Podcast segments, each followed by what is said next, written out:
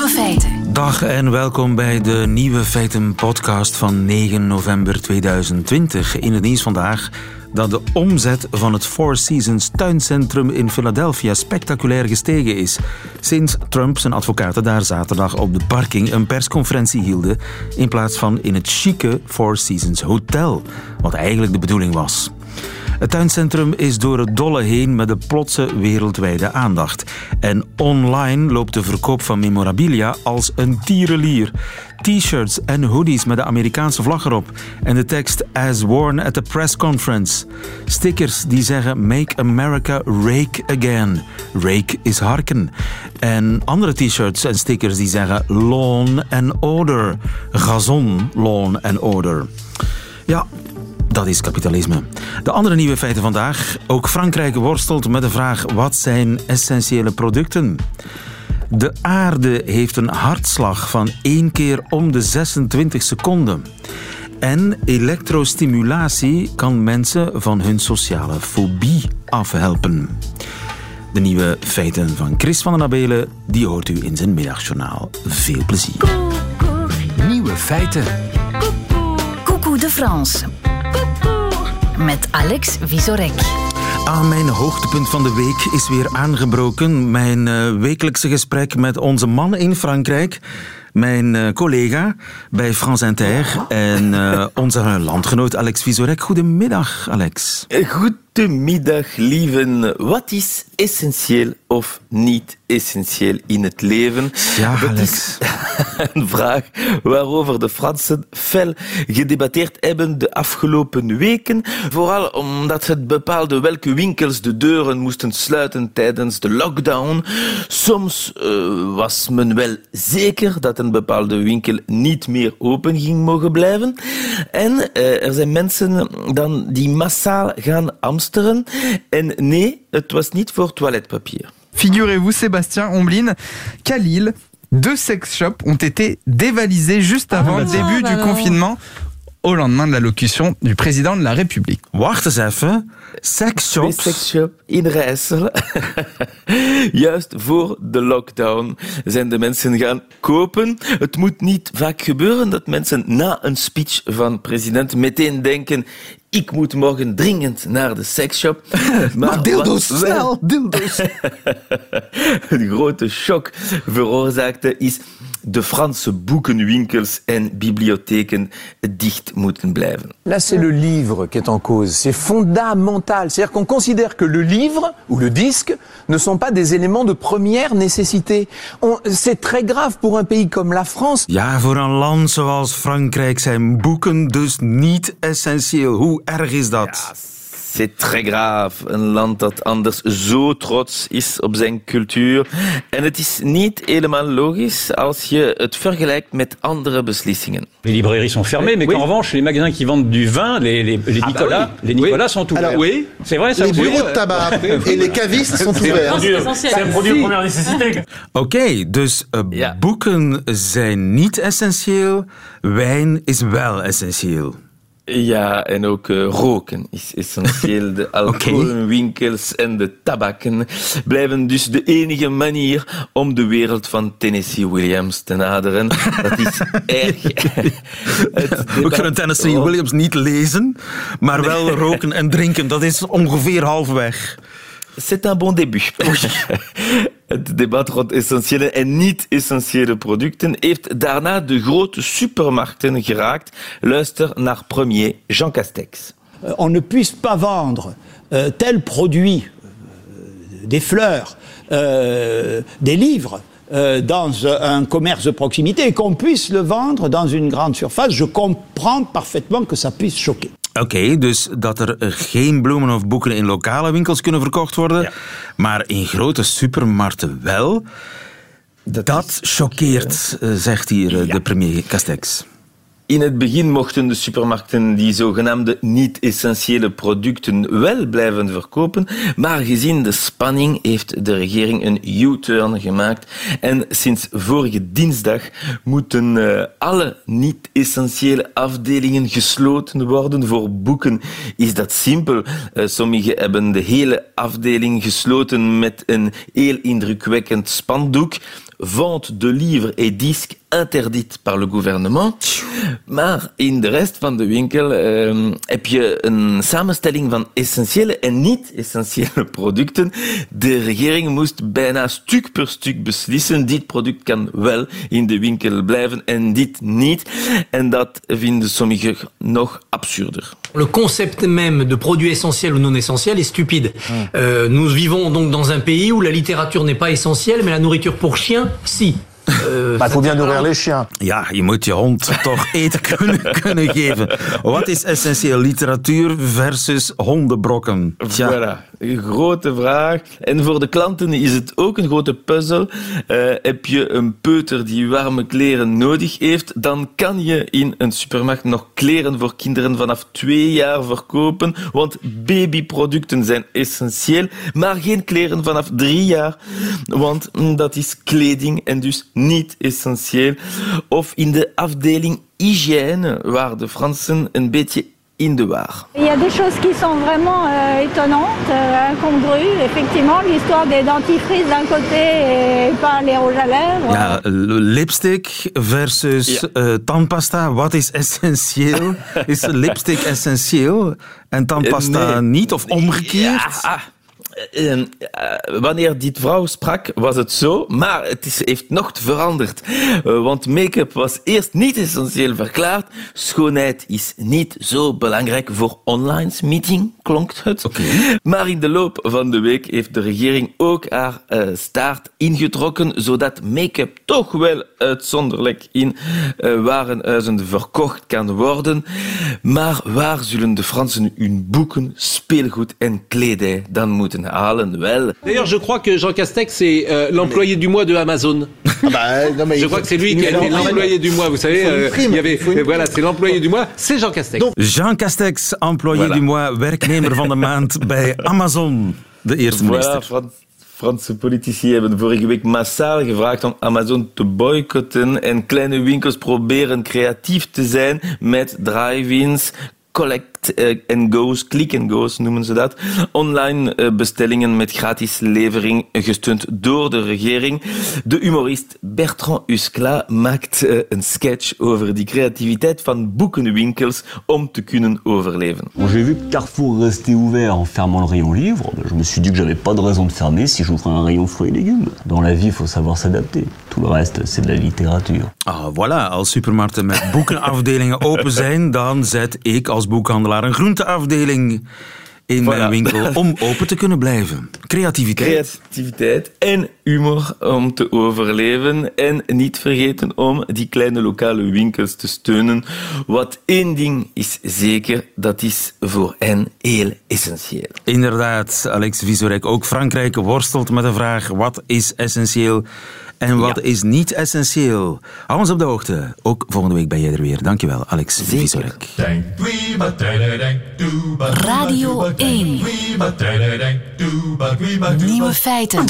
Zouden elektroshocks in de geestelijke gezondheidszorg zouden die aan een comeback zijn begonnen? Ik vraag het me af, omdat in Nijmegen kijken ze of elektrische schokken of schokjes kunnen helpen tegen sociale fobie.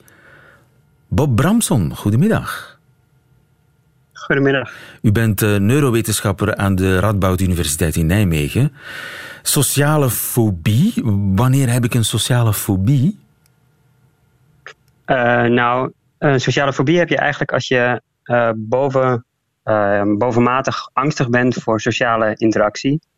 dus dat je bang bent de straat op te gaan uit angst om mensen tegen te komen en daarmee te interacteren. Je vermijdt de straat, je vermijdt feestjes, alles wat sociaal leven is, uh, dat maakt je angstig. Mensenschuw is ook een term hè, die we vroeger gebruikten. Ja, zeker. Ja. Mensenschuw. Ja, dat is uh, heel sterk gerela gerelateerd aan sociale angst. En waar zijn die mensen eigenlijk precies bang voor? Ja, dat is een, een goede vraag. Dat wisselt. Uh, over het algemeen denken we vooral dat dat is de beoordeling van anderen. Dus dat je veroordeeld wordt om wat voor reden dan ook.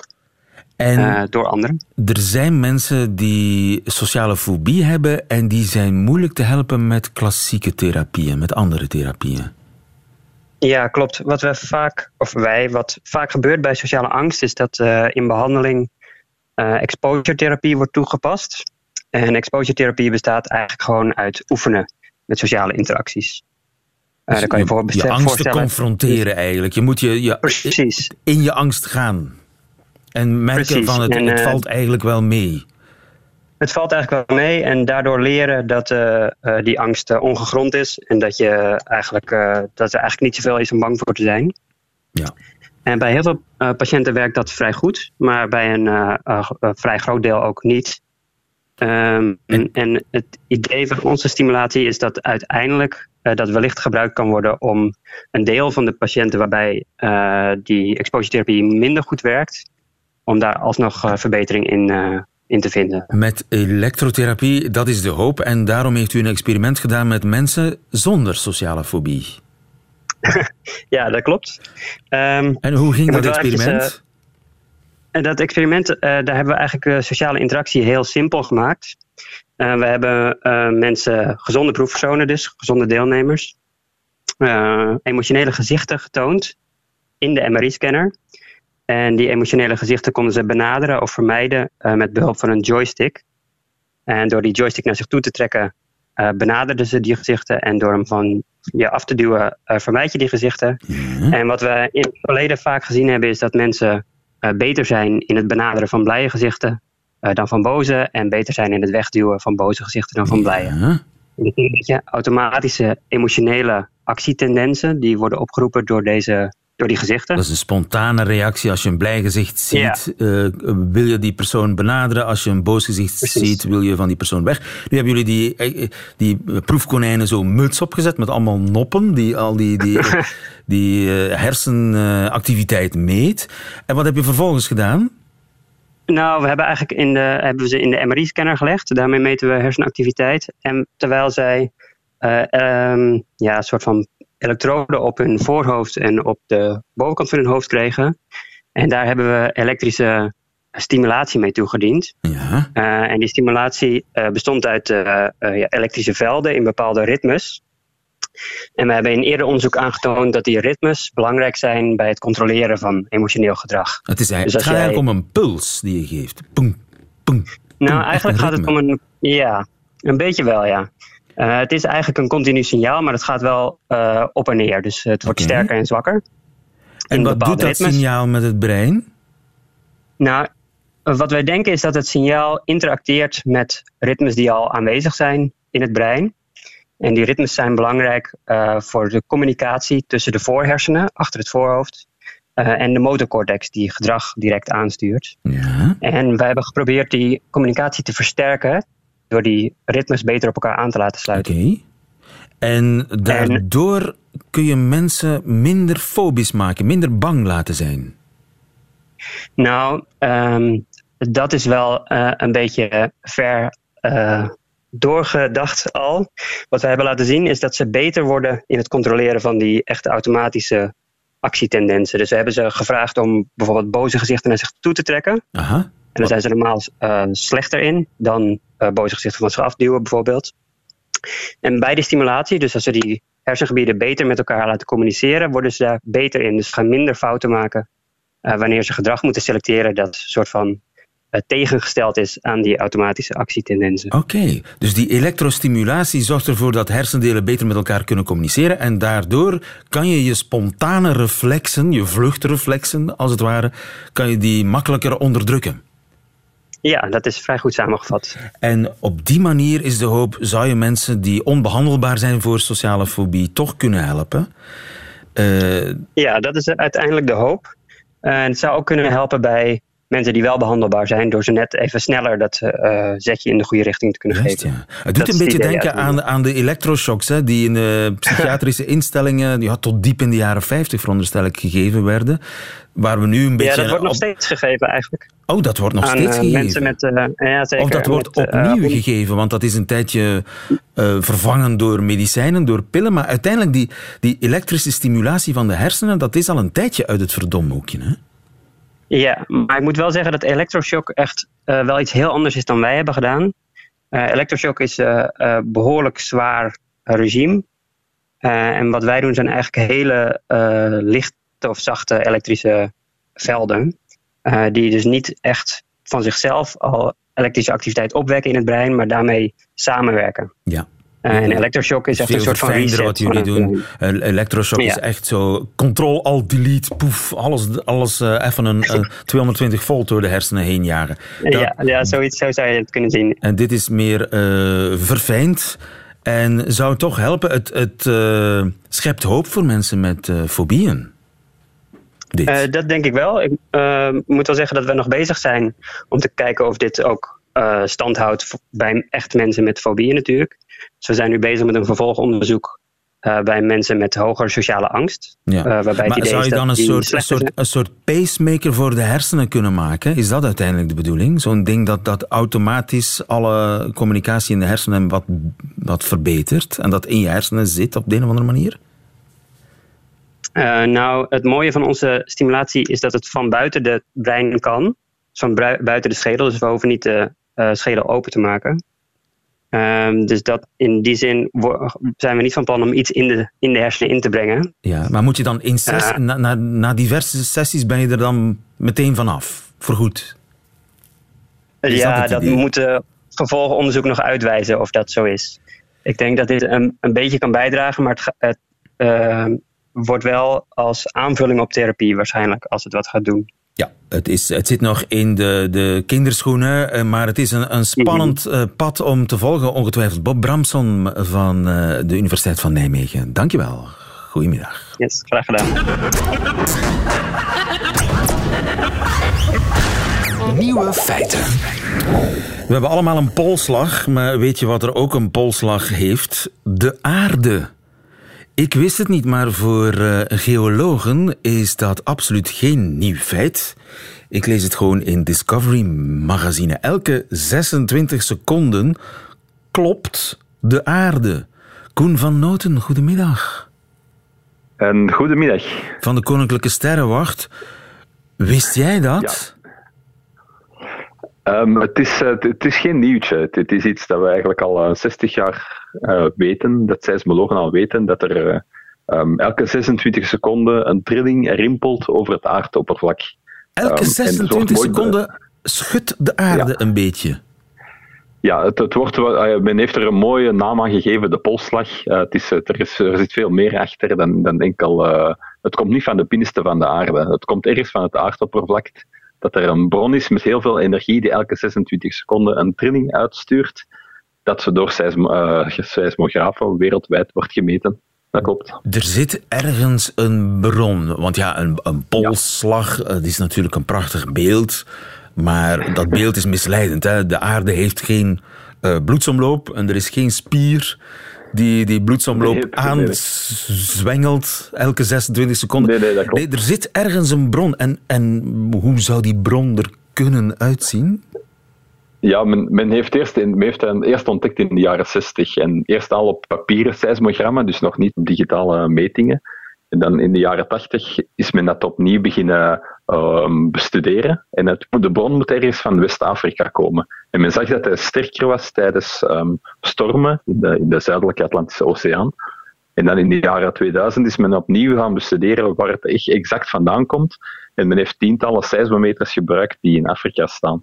En met een soort van driehoeksmeetkunde heeft men dan kunnen, kunnen lokaliseren dat in de golf van Guinea, in West-Afrika, ehm, dat daar die bron van energie zit. En men vermoedt momenteel dat het eigenlijk te maken heeft met de oceaan, die heel zacht, heel traag dus, eh, eh, heen en weer beweegt. En telkens dat die heen en weer beweegt, drukt die als het ware op de ondergrond daar in de golf van Guinea. En dat zendt een soort van trilling uit dat wereldwijd door die seismometers wordt eh, opge- opgemeten. Ja, West-Afrika, dus dan hebben we het eigenlijk over de Atlantische Oceaan. Ja, ja. de Die- zuidelijke Atlantische Oceaan. Ja. Die, die een beetje tegen Afrika aanklotst. En op die manier is er eigenlijk op, precies om de 26 seconden een, een zeer minieme aardbeving die over de hele planeet voelbaar is. Ja, het, is echt een aardbeving. Een aardbeving genereert zich natuurlijk in de diepte van de aarde en hier is de bron aan het oppervlakte. Het is echt het, het contact van, van water tegen de oceaanbodem dat telkens die trilling uitzendt. Maar ehm, natuurlijk voelen we dat niet. Die trilling, eh, die is zo laag frequent dat mensen dat niet kunnen waarnemen. Maar accurate seismometers, die kunnen dat wel. Ja, ja, dus er, is een, er zijn aardbevingen die komen van onder het oppervlak. En er zijn ook oppervlaktetrillingen. Zijn er zo nog, behalve die ene 26 seconden puls? Ja, ja, tuurlijk. Er zijn nog andere pulsen. We zien bijvoorbeeld rond in de streek van Fiji, dus rond Fiji heb je juist hetzelfde, de, de oceaan die met een ander tempo daar eigenlijk geen meer beweegt. Uh, en natuurlijk de mens zelf, hè, maar dan gaan we naar hoogfrequente signalen gaan kijken. De we hebben zelf een gesprek gehad. Ja. Oh ja, de mens zelf veroorzaakt trill. Juist, ja.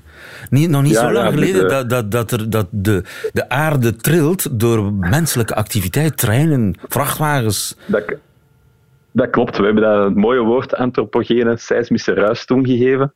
Ehm, dus dat is het constante trillen van, van de bodem door datgene dat de mens erin steekt.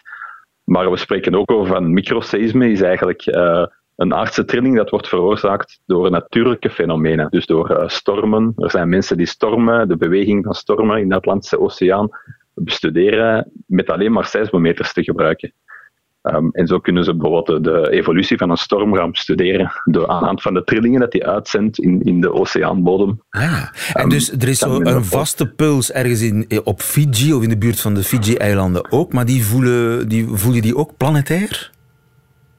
Um, die, is, uh, ja, die heeft dan een ander tempo. Hè. Die heeft dan uh, niet met 26 seconden, maar die zal... En zo hebben we een aantal kleine pieken, een van 7 seconden, een van 16 seconden. Dus men okay. kan eigenlijk um, verschillende van, die, van deze pulsen gaan bestuderen. De aarde maakt en, muziek. Um, ja, de aarde maakt muziek, ja. Ritme, ritmesectie. dat is waar, ja. Maar dus er is een hartslag om de 26 seconden ook, die ergens een bron heeft in uh, West-Afrika, door het klotsen van de oceaan tegen Afrika. Ik, ik stel het even simpel voor. Ik wist het niet. Ja, dat komt. Maar nu dat wel. is uh, leuk, weet je. Ja. Koen van Noten, dankjewel. Goedemiddag. Graag gedaan. Goedemiddag. Ik geef u nog het nieuwe feit mee dat ze ook in Amsterdam Sint Maarten vieren op 11 november. En dat het daar uiteraard coronaproof moet. Sint Maarten lopen met een uitgeholde beat van deur tot deur gaan zingen is uh, een, uh, ja, een traditie, ook in Amsterdam. En het is helaas niet zonder risico. En daarom, op de site van de gemeente, staan er tips en maatregelen. Een van de tips is, laat uw kind liedjes aan uw eigen voordeuren zingen. Gewoon voor u. Beloon dat met een snoepje of iets gezonds, natuurlijk. Zoals spruitjes. Tuurlijk, spruitjes. Nieuwe feiten. Dat waren ze, de nieuwe feiten van 9 november. Alleen nog die van Chris van den Abelen krijgt u in zijn middagjournaal. Nieuwe feiten. Middagjournaal. Beste luisteraar, gisteren iets over vijf uur in de vooravond reden 142 coureurs over een finishlijn in Madrid. Daarmee was de Ronde van Spanje, de Vuelta, voorbij. De Vuelta duurde dit jaar tot een stuk in november, dat was lekker meegenomen. Maar gisteravond was het dus adios. En nu de laatste grote ronde gereden is, is de tot de draad versleten zomer van 2020 helemaal klaar. We kunnen onszelf nu echt niets meer wijsmaken. De blaren vallen, het wordt koud en vroeg donker. Als u denkt dat ik u tot aan de reclame voor het nieuws van 1 uur met een portie melancholie ga injecteren, hebt u het gelukkig mis. Niets dan vrolijkheid, beste luisteraar. Want vanaf vandaag kunnen we dus opnieuw voluit de Ivo Vermeijren truc toepassen. De wat? De Ivo Vermeijren truc. Ivo Vermeijren, beste luisteraars, is een aangename mens. Hij kent geen ballen van koers, het wezen hem vergeven. Maar hij heeft voor ons wieler- en nazomermelankoliekers een schitterende uitvinding gedaan. Geniaal in zijn eenvoud. In de zomer, zegt Ivo, als het koers op tv is en ik zie dat de mannen in een schone streek rijden waar de zon schijnt, dan neem ik die koers op. Dat zijn aspirines voor de druilerige winterdagen, dan zet ik overdag al eens de koers op. Niet dat het mij kan schelen wie er wint, het gaat om de sfeer. Theetje, wijntje, gazet of boekje op de schoot, de kat ligt te spinnen, de haard brandt, de regen waait nijdig tegen de ramen en op de achtergrond passeren er plaatjes van kastelen. Hier woonde in de 18e eeuw Madame de Pompardon. Ze was markiezin, maar ze kreeg ruzie met haar markies en vergiftigde hem. Daarvoor kreeg ze de doodstraf, uitgevoerd per guillotine. Zegt de watch. Waarop de kouwer, eh wel, ik wil het niet meemaken, maar ik zou liever geguillotineerd worden dan een trage gifdood sterven. Onderbroken door Michel en een val, een val te midden van het peloton nog wel. Ah, eens kijken zo te zien zonder grote maleuren. Iedereen kruipt gelukkig weer recht. En dan, beste luisteraar, gaat uw aandacht opnieuw naar uw kruiswoordraadsel of naar uw hond die om uitlaten vraagt. Winterblues, niets van. Nu kun je zeggen van de Nabele, je bent minstens een dag te laat met de Ivo-truc, want er valt niets meer op te nemen. Misschien moeten we daarom massaal gele briefkaarten sturen naar de omroep, telefoneren of mailen met de vraag: willen jullie tijdens de donkere dagen enkele zomerse etappes van de Tour heruitzenden? Want geef toe, als er te kiezen valt tussen Villa Politica en de Tour, dan. Nee. Deze redenering mag ik helaas niet uh, afmaken. Anyway, merci Ivo Vermeijren. Zullen we uit respect voor de uitvinder de term een Ivoke doen bij deze lancering?